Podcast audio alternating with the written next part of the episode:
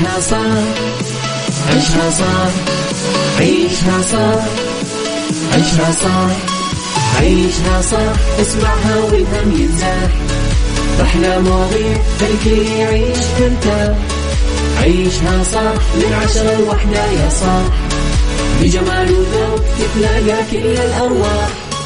فاشل واتيكيت يلا نعيشها صح beauty وديكور يلا نعيشها صح عيشها صح عيشها صح.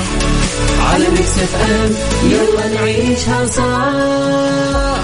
الآن عيشها صح على Mix FM. Mix FM هي كلها في ال mix. هي كلها في ال mix.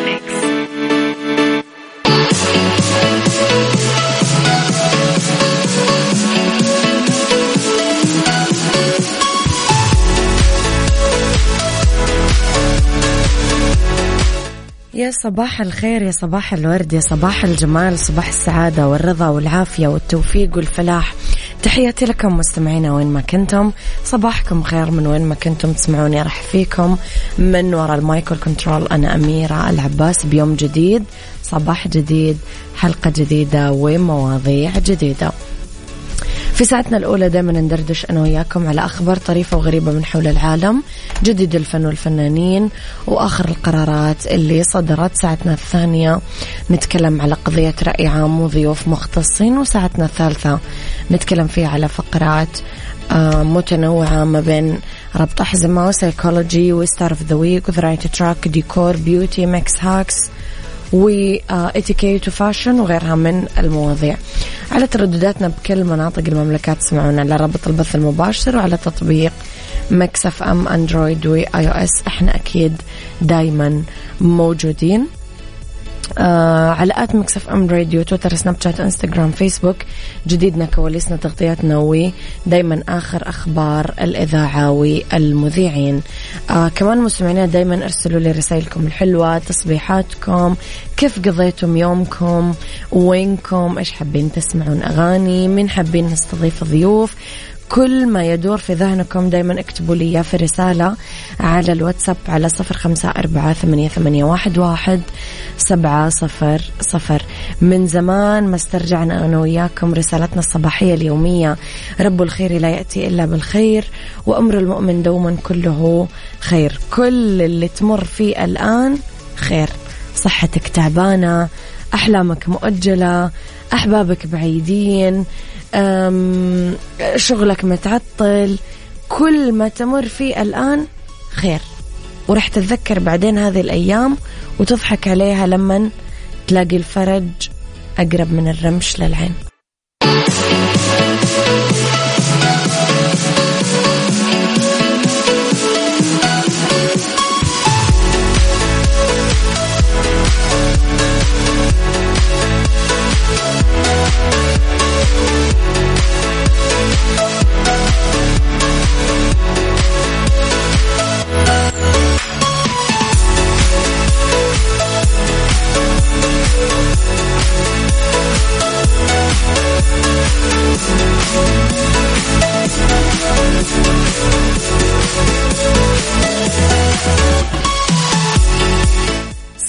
صباح الخير مستمعينا تحياتي لكم مرة كمان. كيفكم مع حر جدة؟ تحسون جدة يوم في هواء حلو؟ تحس أنك بنص الشتاء. لا في رطوبة لا في حرارة لا في شيء. ويوم الحر مو معقول.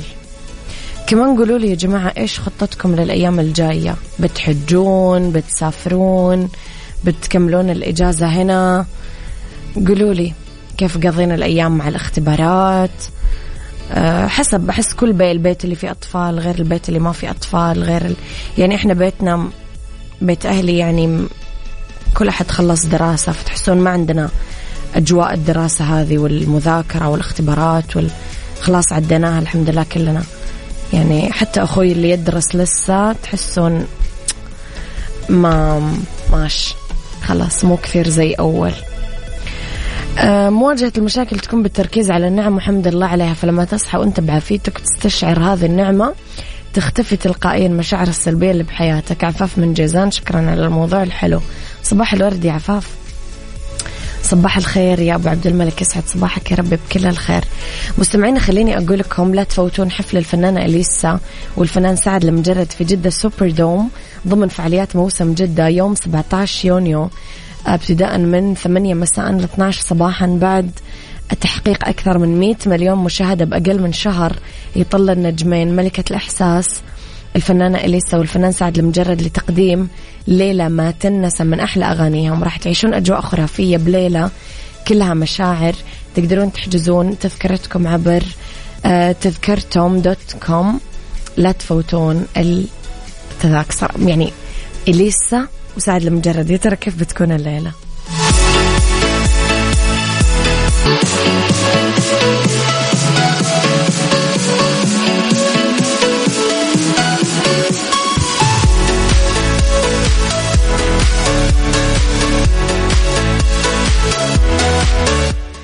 لخبرنا الأول وأعتقد هذا أحلى خبر يمكن سمعناه أمس. أعتقد قلوبنا فرحت عيوننا صارت قلوب.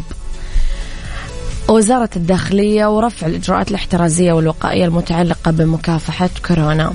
صرح مصدر مسؤول بوزارة الداخلية أنه بناء على متابعة الوضع الوبائي لجائحة فيروس كورونا وما رفعته الجهات الصحية المختصة وللمكتسبات العديدة المتحققة في مكافحة الجائحة بفضل الله. ثم الدعم غير المحدود من القيادة الرشيدة وتضافر الجهود الوطنية الفعالة من كل الجهات والتقدم في برنامج اللقاحات الوطني وارتفاع نسب التحصين والمناعة ضد الفيروس بالمجتمع تقرر رفع الإجراءات الاحترازية والوقائية المتعلقة بمكافحة جائحة كورونا وفقا لما يلي. أولا عدم اشتراط لبس الكمامة بالأماكن المغلقة باستثناء طبعا المسجد الحرام المسجد النبوي والأماكن اللي يصدر بشأنها بروتوكولات من قبل آه، هيئة الصحة العامة وقاية. ثانيا عدم اشتراط التحصين والتحقق من الحالة الصحية بتطبيق توكلنا للدخول للمنشآت والأنشطة والمناسبات والفعاليات وركوب الطائرات وسائل النقل العام. آه ثالثا تكون مدة اشتراط أخذ الجرعة التنشيطية الثالثة من لقاح كوفيد 19 لمغادرة المواطنين لخارج المملكة. ثمانية شهور بدل من ثلاثة من تلقي الجرعة الثانية. أعتقد هذه يعني من أحلى الأخبار اللي سمعناها. قولوا لي يا جماعة إيش ردة فعلكم على هذا الخبر؟ حبيتم؟ يعني انبسطتم من سماع هذا الخبر؟ قولوا لي رأيكم على صفر خمسة أربعة ثمانية, ثمانية واحد, واحد سبعة صفر صفر. صباح الخير يا عمر أبو يزن يسعد صباحك. عيشها صح مع أميرة العباس على Mix FM Mix FM هي كلها في ال mix. هي كلها في ال mix.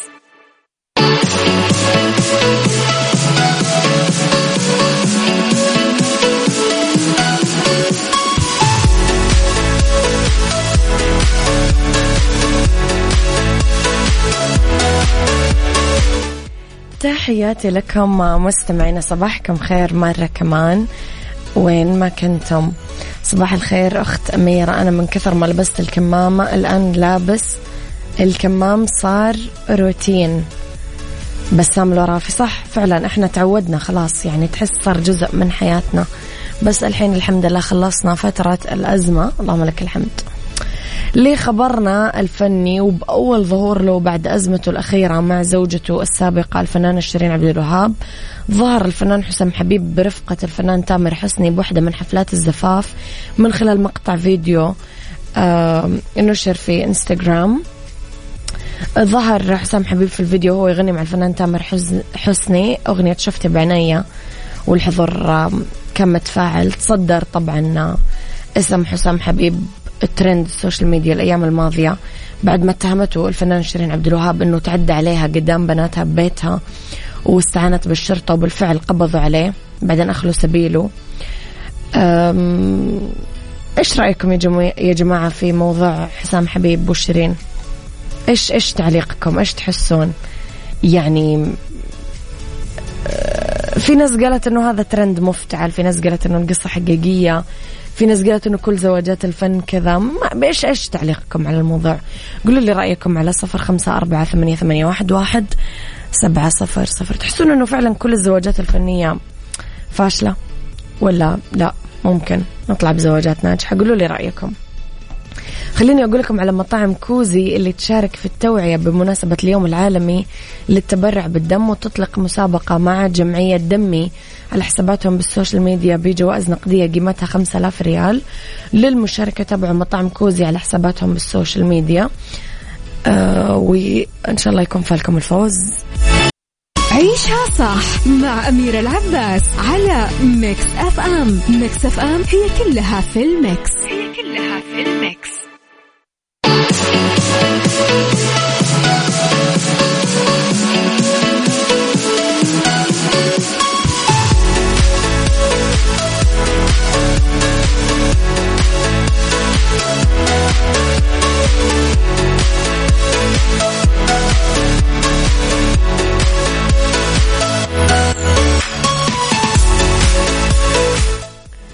تحياتي لكم مستمعينا اعلن تطبيق تيك توك إنه بيضيف خاصية جديدة تهدف إلى تقليل مدة الوقت اللي يقضيه المستخدمين وضح التطبيق إنه راح يضيف ميزة جديدة تساعد المستخدمين على التقليل من الوقت اللي يمضونه يوميا في تصفح المنصة عبر إرسال إشعارات وتحذيرات في حال إنهم قضوا وقت طويل. الميزة راح تنبه المستخدم حال تجاوز الوقت اللي حدده لقضائه في المنصة إلى جانب تثبيت لوحة تحكم جديدة لوقت الشاشة. آه، تعرف فيها المدة اللي أنت استخدمتها كل أسبوع. آه يلا.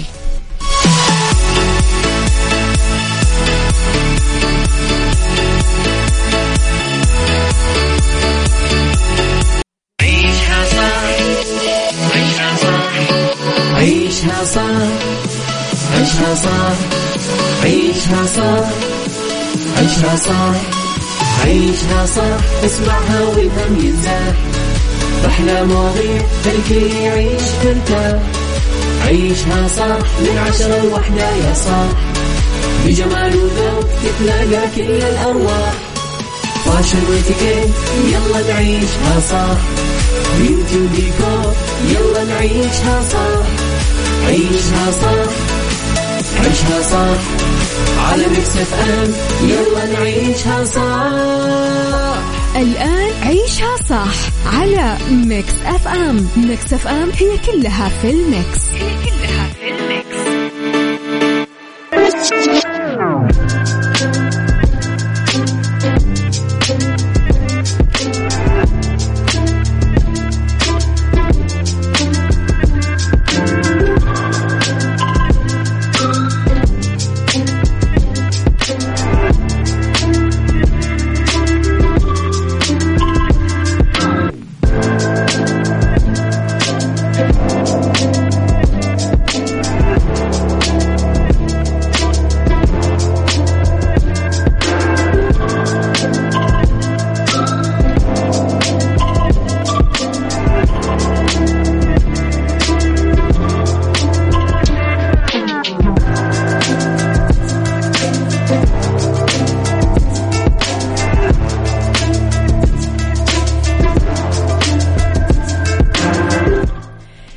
صباح الخير والورد والجمال والسعادة والرضا والعافية والتوفيق والفلاح. تحياتي لكم.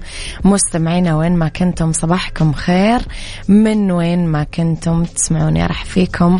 من وراء ال mic وال control أنا أميرة العباس في يوم جديد وصباح جديد وحلقة جديدة ومواضيع جديدة. في هذه الساعة اختلاف الرأي طبعا لا يفسد للود قضية لولا اختلاف الأذواق. لبارة السلع. توضع دايما مواضيعنا على الطاولة بالعيوب المزايا السلبيات الإيجابيات السيئات الحسنات. تكونون أنتم الحكم الأول والأخير بالموضوع. بنهاية الحلقة نحاول أننا نصل لحل العقدة ولمربط الفرس.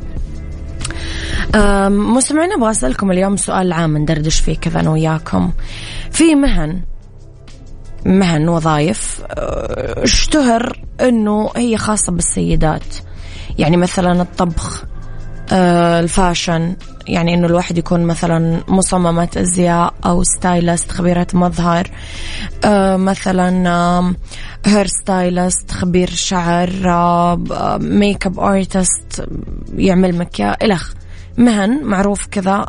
إنه هي تخص السيدات. مؤخرا شفنا كثير شباب اشتغلوا فيها وكانوا جدا صراحة شطار ومحترفين. سؤالي لكم عبارة عن قسمين. مع ولا ضد إنه آه، البنات يشتغلون في مهن الشباب والشباب يشتغلون في مهن البنات؟ مع ولا ضد إنه يقولون إنه الشباب أشطر من البنات في مهنهم والبنات أشطر من الشباب في مهنهم؟ يعني زي انه شفنا مثلا البنات نزلوا لعبوا كورة البنات نزلوا مثلا شاركوا في الفورمولا البنات نزلوا إلخ مع ولا ضد هذا الموضوع. قولوا لي رأيكم بكل صراحة على صفر خمسة أربعة ثمانية, ثمانية واحد, واحد سبعة صفر صفر. قولوا لي رأيكم. وخليني أقول لكم أنه السعدون وكيل بيع قضائي وحارس قضائي ومصفي تركات. عيشها صح مع أميرة العباس على Mix FM. Mix FM هي كلها في ال mix. هي كلها في ال mix.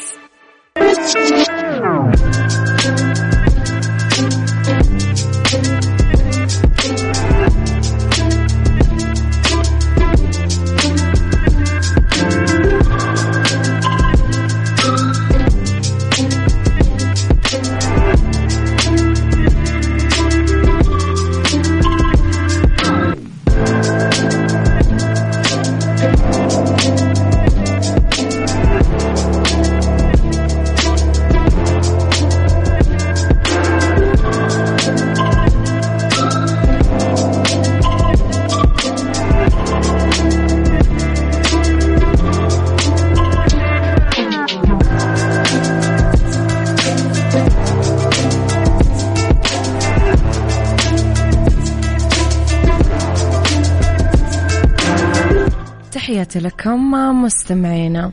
عمر يقول نرحب بفريق البنات فهم شركاء النجاح وهم النص الآخر للمجتمع. توفيق العقيل يقول مع وبقوة. أبو عبد الملك يقول أنا مع الفترة السليمة اللي تحفظ لكل جنس ذكر أو أنثى قيمته وكرامته في عوالم الغرب تتمنى الأنثى أنها تعامل كأنثى ويتمنى وتتمنى أنها تجد الرجل اللي يشوف فيها الأنثى بعد ما طبقوا المساواة في كل شيء من غير الأخذ في الاعتبار الاختلاف في التركيبة الجسمانية لكل منهم. على سبيل المثال الحصر هل من الملائم أنه نشوف الأنثى الحامل تعمل في مجال البناء والمقاولات؟ سباكة كهرباء لياسة دهان نجارة حدادة. إلخ أو حتى في مجال صيانة السيارات تغيير زيوت وكفرات. وعلى النقيض هل يقبل المجتمع عندنا ذكر يعمل في محلات المساج النسائية؟ يا وجهة نظر. مم. أنتم إيش رأيكم مستمعين؟ قولوا لي رأيكم على صفر خمسة أربعة ثمانيه, ثمانية واحد, واحد سبعة صفر صفر. عيشها صح عيشها صح.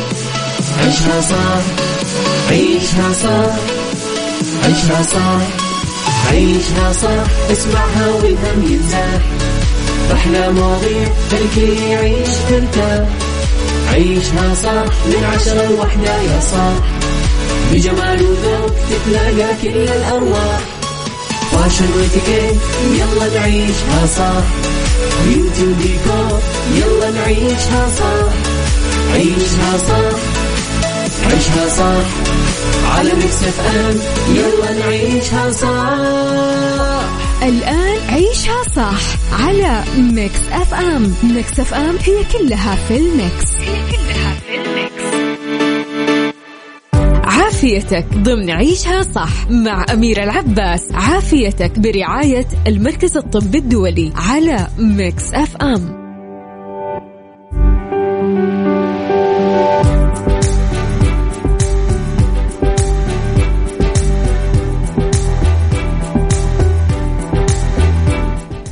يسعد مساكم مستمعينا بكل الخير. تحياتي لكم وين ما كنتم. مساكم خير من وين ما كنتم. تسمعوني أولى ساعات المساء وآخر ساعات عيشها صح. آه يوم الثلاثاء دايما معنا طبعا. عافيتك برعاية المركز الطبي الدولي. اسمحوا لي أرحب بضيفي اليوم في الاستوديو دكتور عمر الزهراني استشاري طب الأسرة وطب كبار السن وأمراض الشيخوخة. يسعد مساك دكتور. أهلا مساء الخير ومسي عليكم ومسي على جميع السادة المستمعين والمستمعات. نرحب فيك في استديوهاتنا اليوم. دكتور بنردد كلمة كبار السن.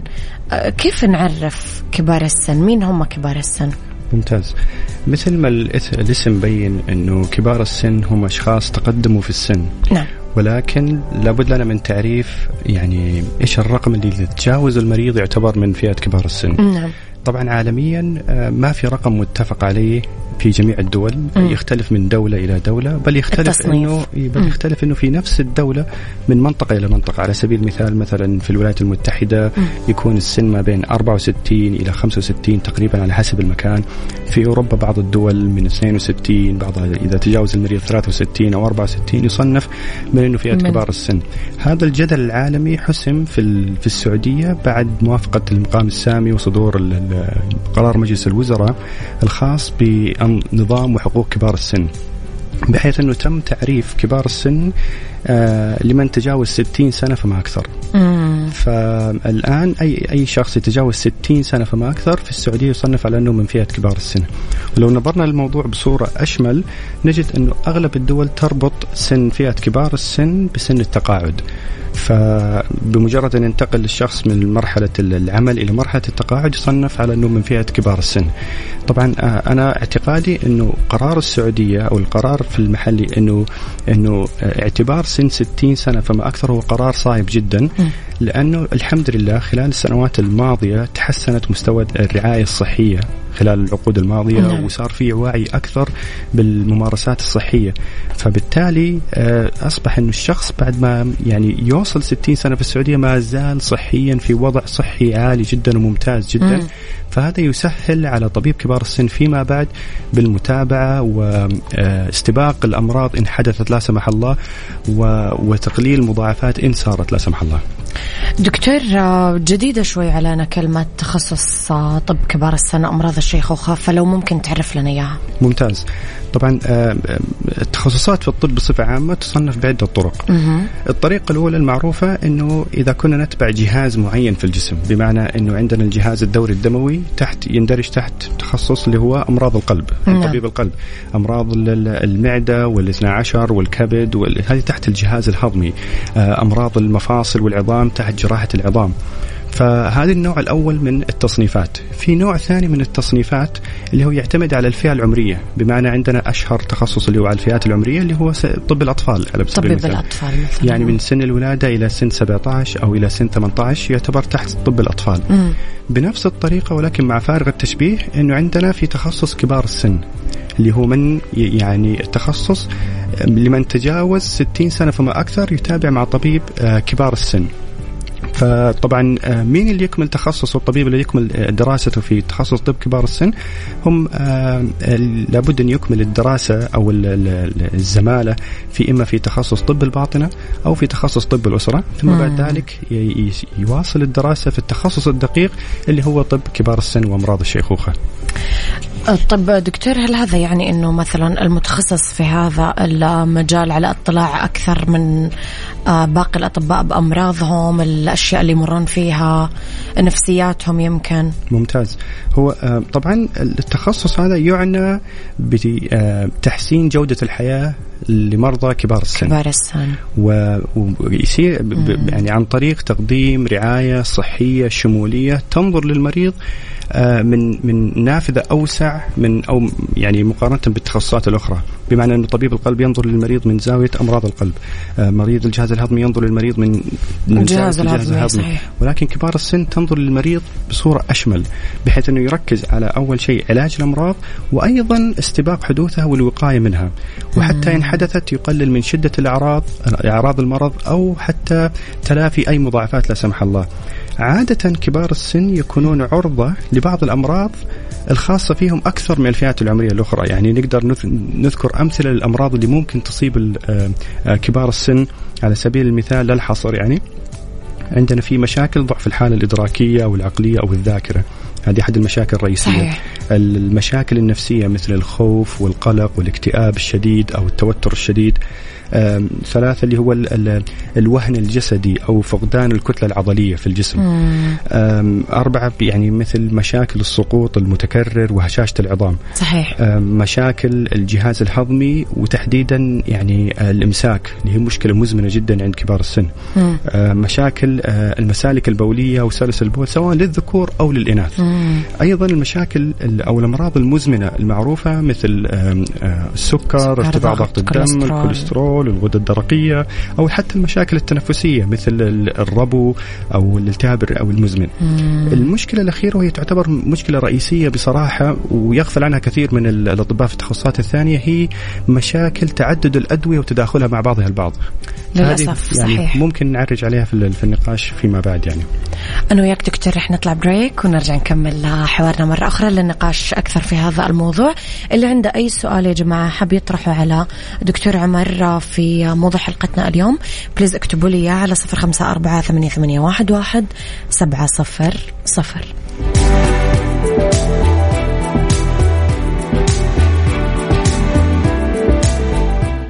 عافيتك ضمن عيشها صح مع أميرة العباس. عافيتك برعاية المركز الطبي الدولي على Mix FM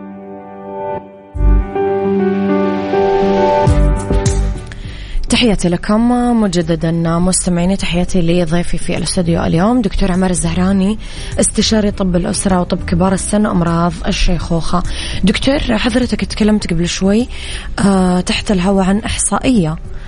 موجودة. لو نقدر نعرف المستمعين آه، فيها. ممتاز. هي إحصائية إحصائية نسبة كبار السن في السعودية. نعم. طبعا حسب ال- التقديرات الهيئة العامة للاحصاء في سنة 2020 مم. آه كانت نسبة كبار السن اللي من 60 سنة فما أكثر تمثل تقريبا 5.4% نعم. آه تقريبا يمثلون مليون و920 ألف آه نسمة تقريبا. آه بحيث إنه يمثل الذكور 3.12% اللي تقريبا مليون و100 ألف. ويمثل الإناث آه تقريبا 2.35% تقريبا 825 ألف. طبعا الإحصائية هذه أو التقديرات هذه كانت في سنة 2020 وزي ما إحنا عارفين الآن في المسح الإحصائي أو الحملة الإحصائية الآن مستمرة. نعم. نتوقع أنه تظهر الأرقام تباعا خلال السنة هذه بالأرقام الجديدة وأنا متوقع أنه النسبة هذه راح تزيد. آه طبعا متوسط الأعمار في السعودية في سنة 2016 من بداية إطلاق الرؤية كان آه، حسب الهيئة العامة للإحصاء إنه كان 74 سنة تقريبا.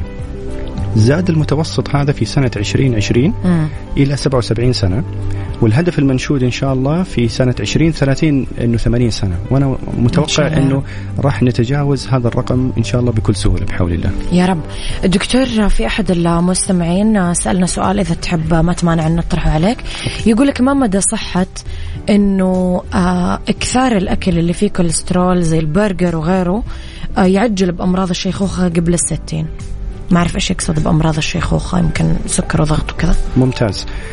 في عندنا في الطب في عوامل خطورة تصلب الشرايين أربعة عوامل رئيسية okay. مشهورة جدا اللي هو التدخين، مم. السكري، ارتفاع ضغط الدم والكوليسترول. نعم okay الكوليسترول خطير جدا يعني يعتبر من من ضمن عوامل الأربعة الخطيرة. الأربعة الخطيرة ف- فبالتالي إذا المريض ارتفع عنده مستوى الكوليسترول في سن مبكرة معناته إنه في احتمالية تصلب شرايين في سن مبكرة معناته إنه راح يتعرض لا سمح الله يعني لجلطات القلب أو جلطات الدماغ والسكتات الدماغية في سن مبكرة وممكن على إثرها يتعرض لإعاقة مستديمة سواء ضعف في أحد الاجزاء الجسم لا سمح الله أو يكون عنده فشل قلبي لا سمح الله. فبالتالي يعني وين كان ما وصل سن الستين سنة يكون لديه أعراض من هم في سن الشيخوخة أو في سن ما بعد الستين. فالكلام نوعا ما له جانب من الصحة. دكتور أكيد رح يسألون الناس الآن ليش لازم أزور طبيب كبار السن مو أي طبيب ثاني؟ ممتاز جدا.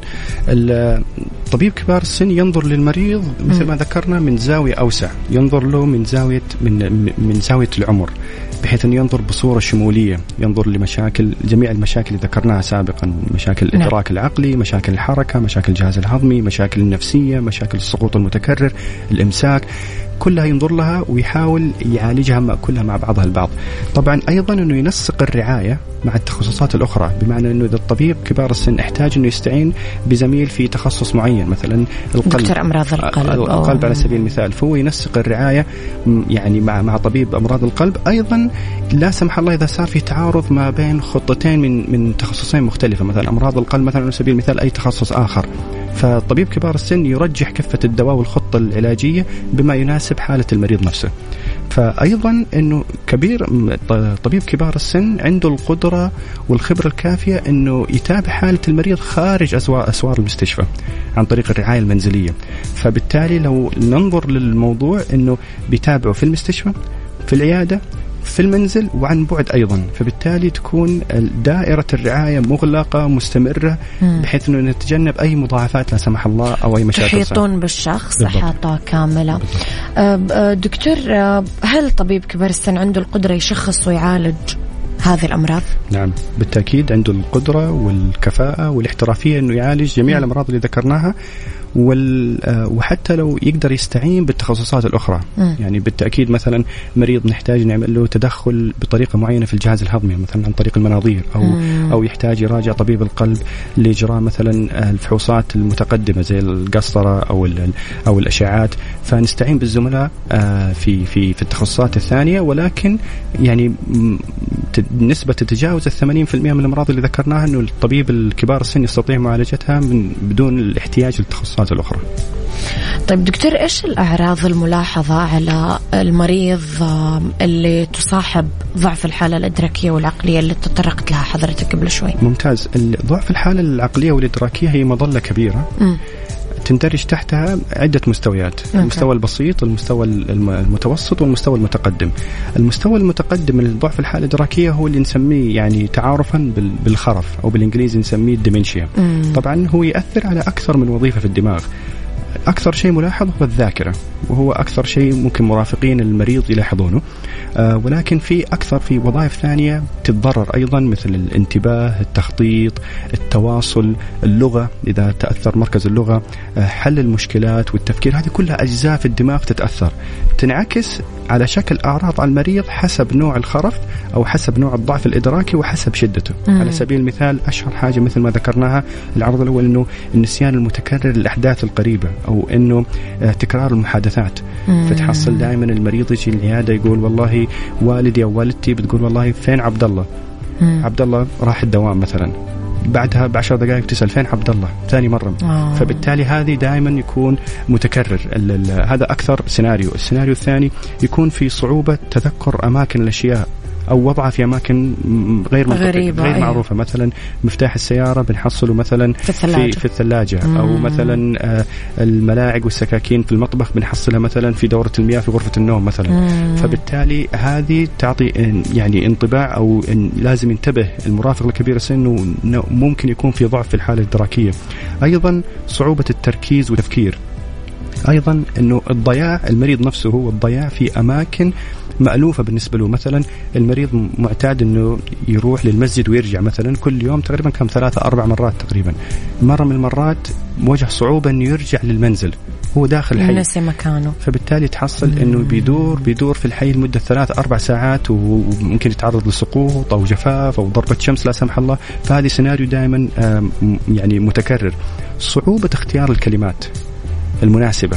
فتحصل المريض إنه ي... إذا تأثر مركز اللغة تحصل إنه ما يقدر يختار الكلمة المناسبة آه، في سياق النقاش أو يجيب كلمة غير ملائمة مثلا في سياق النقاش تكون ما لها علاقة بالحديث شاذة عن الحوار بالضبط. نفسه أي.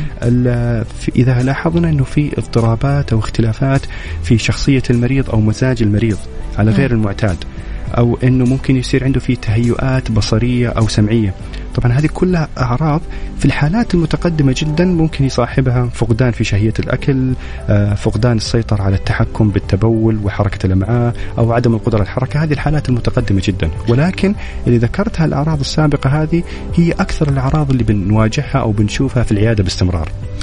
دكتور هل كل حالات ضعف الذاكرة ممكن تكون بسبب ألزهايمر؟ آم، هو لا ولكن مم. الزهايمر يمثل تقريبا 60 إلى 70% من من الحالات أوه. تقريبا. ولكن في أنواع أخرى ثانية. يعني ال- الأنواع تشمل الزهايمر مثل ما ذكرتي. في حاجة عندنا نسميها ال- الخرف الوعائي أو بالأصح إذا صار في تصلب شرايين أو أوعية دموية. يرافقها. بالضبط يصير آه، يصاحبها لا سمح الله فيما بعد اللي هو الجلطات الدماغ أو السكتات الدماغية. بعدها تنعكس على المريض آه، بضعف في في الحركة في شق معين في الجسم إذا حدث فيما بعد يصير في ضعف في الحالة الإدراكية. في نوع آخر اللي نسميه آه، آه، خرف آه، جسيمات لوي. هذا يعني بيكون في ضعف في في الحالة الحركية قد تكون مشابهة لأعراض الشلل الرعاش أو الباركنسون. okay؟ ويصاحبها أيضا ضعف في الحالة الإدراكية. ممكن بعض الحالات نشوفها بسبب تلف في مادة الدماغ بسبب الاصابات المتكرره آه، بسبب على على الرأس يعني أو بسبب آه، بعض الأورام اللي تصيب الدماغ. في نوع يعني قليل وليس منتشر هو آه، عكسي بمعنى إنه آه، مؤقت نستطيع علاجه. يعني آه، وهذه الحالات قليلة للأسف. يعني نتمنى إنها تكون أكثر ولكن هي قليلة وليست كثيرة. مثلا إذا كان في نقص مثلا في بعض أنواع الفيتامينات مثلا فيتامين ب 12 أو في نقص في مستوى هرمون الغدة الدرقية أو بسبب بعض الحالات النفسية مثلا حالات الاكتئاب الشديد. بمجرد ما نعالج هذه الأمراض المريض تتحسن بصورة كبيرة عنده الحالة الإدراكية. والعقلية. بالضبط. طيب دكتور نروح شوية للكتلة العضلية. إيش أسباب فقدان الكتلة العضلية عند كبار السن؟ ممتاز. أول شيء فقدان الكتلة العضلية مثل ما الاسم مبين إنه هو فقدان متواصل وعام للكتلة العضلية تأثر على المهام اليومية للمريض. آم، مثلا المشي أو الصعود الدرج أو نزول الدرج. السيارة. بالضبط. مم. فبالتالي يكون عرضة آم، للسقوط المتكرر لا سمح الله يتعرض لكسور لا سمح الله خاصة إذا كان في هشاشه في العظام يتعرض لإعاقات. أيضا لا سمح الله ممكن تزيد معدل الوفيات. الأسباب إذا وضعناها ممكن في يعني في نقاط أربع أسباب رئيسية ولكن في أسباب ثانوية. السبب الرئيسي الأول هو التقدم في العمر طبعا بحد ذاته هو سبب كافي. آه، بحيث إنه الإنسان طبيعه إنه يخسر تقريبا من 1 إلى 2% من الكتله العضلية كل سنة. نعم. فب... آه هذا طبيعة ولكن نستطيع أن نتجنب هذه المشكلة بممارسة الرياضة وتحديدا آه تمارين المقاومة. الحديد وغيره. بالضبط السبب الثاني هو قلة النشاط الحركي أوكي إما بسبب نمط الحياة المريح أو الخامل أنه المريء يعني الشخص يعني مرتاح ما يمارس رياضة أو ممكن يكون بسبب أنه يضطر للبقاء في السرير فترة طويلة آه، بسبب بعض الكسور أو بعض الإعاقات المزمنة. السبب الثالث اللي هو بعض الأمراض المزمنة قد تسبب فقدان للعضلات. بمعنى يعني مثل الأورام السرطانية أو بعض ال- الفشل في بعض الأعضاء مثل الفشل الكلوي أو فشل عضلة القلب أو فشل الكبد فبالتالي يعني تدريجيا تبدأ تخف مع الكتلة العضلية في الجسم. السبب الرابع وهو منتشر آه، هو سوء التغذية. سوء التغذية إما يكون بسبب فقدان شهية الأكل أو بسبب إنه في مشاكل في الجهاز الهضمي فبالتالي عملية الامتصاص ما تتم بصورة ممتازة. نعم. أو يكون في ضعف في القيمة الغذائية للأكل نفسه.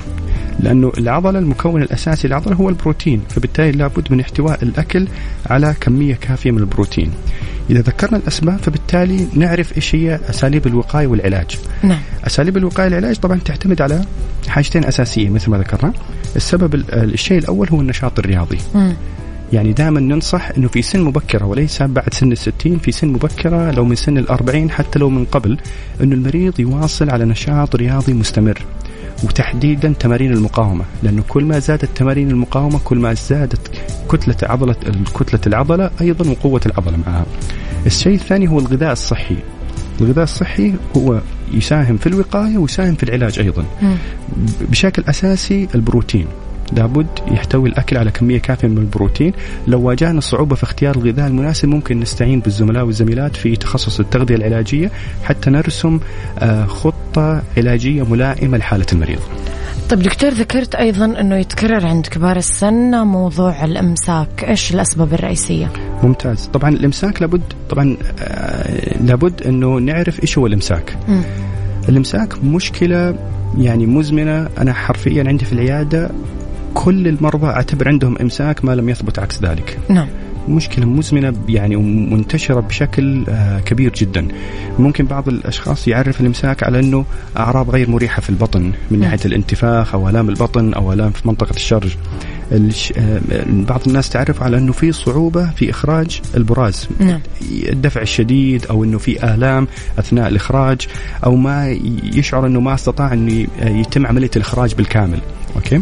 آه الثالثة إنه في تغير في عادات الذهاب للحمام أو التبرز. الأوقات. بالضبط. تحصل إنه يجلس يومين ثلاثة أيام من دون أي عملية تبرز. الطبيعي الشخص الطبيعي اللي أكله مناسب اللي أكله متوازن ويتحرك باستمرار لابد أنه يذهب لدورة المياه مرة واحدة كل يوم للتبرز.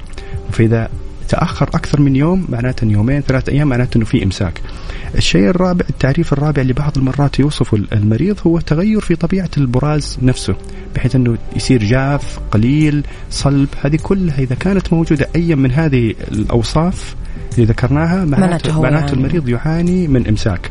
إذا عرفنا إذا عرفنا المريض أنه فعلا عنده إمساك نجي للأسباب. الأسباب يعني تقريبا أربعة أو خمسة أسباب رئيسية آه، أول حاجة قلة شرب الماء. مم. قلة شرب الماء شيء أساسي عند أكثر الناس اللي يعانون من الإمساك.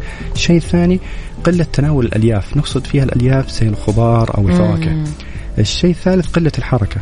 بمعنى أنه المريض يا أنه بسبب حياته الخاملة زي ما ذكرنا أو بسبب إعاقة جسدية أو تعرض لكسر معين يضطر يبقى في السرير فترة طويلة. السبب الرابع هو بعض الأدوية قد تسبب إمساك. بعض مسكنات الآلام قد تسبب إمساك أو بعض المكملات الغذائية مثل مكمل الحديد قد يسبب الإمساك. فبالتالي لابد لنا أنه نشوف إيش هي الأسباب حتى نتوجه للعلاج، ما دام ذكرنا الأسباب فالعلاج واضح جدا، زيادة السوائل والماء إيه،. الحركة آه، زيادة ألياف. التغذية بالضبط من ناحية الأغذية. يعني تحديد وقت محدد للذهاب لدورة المياه. نقول مثلا إنه كل يوم مثلا في الصباح على سبيل المثال إنه حتروح دورة المياه. فبالتالي حتى نضع جدول واضح للمريض يعتاد عليه للذهاب دورة المياه أو مثلا بعد الاستيقاظ أو بعد الإفطار ايا كان بس ولكن تحديد الوقت ثابت آه، أيضا إنه إذا استمرت المشكلة بعد يعني التدخلات اللي ذكرناها إنه لابد انه يذهب للطبيب حتى يعالج المشكلة وأيضا يصرف له العلاج، يعني. المريض قد يحتاج بعض الملينات أو المسهلات بما يتناسب مع حالة المريض. نعم آه،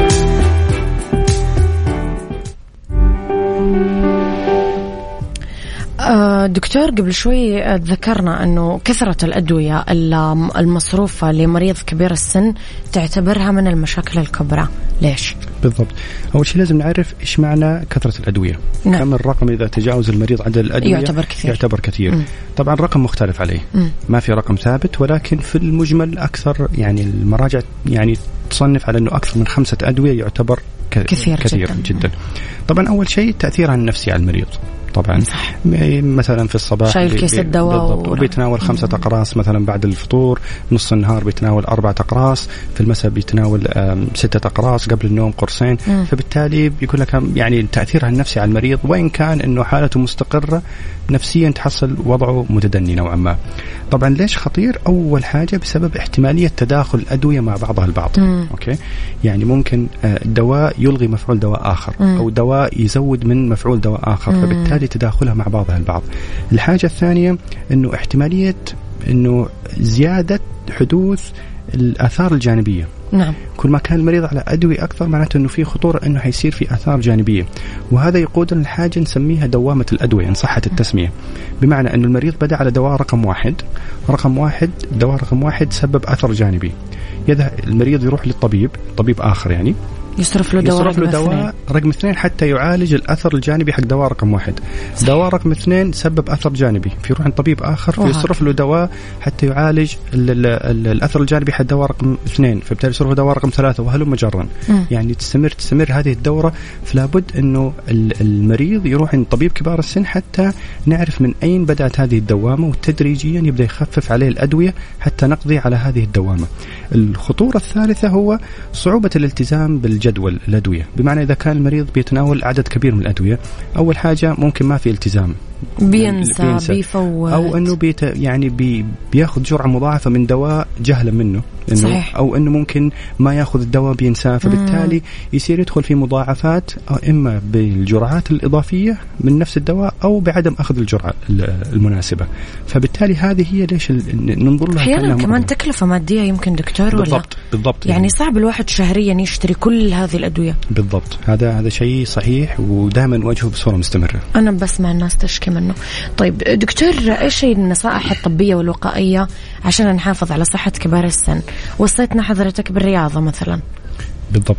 آه الرياضة وأهم شيء عندنا مثل ما ذكرنا تمارين المقاومة. تمارين المقاومة تحديدا كل ما بدأ المريض في سن مبكر إنه يبدأ على التمارين آه، من قبل عضلاته تكون يعني. بالضبط. يعني لو من سن الأربعين من سن الخمسين دائما أقول تمرن بدري مم. لشيخوخة صحية.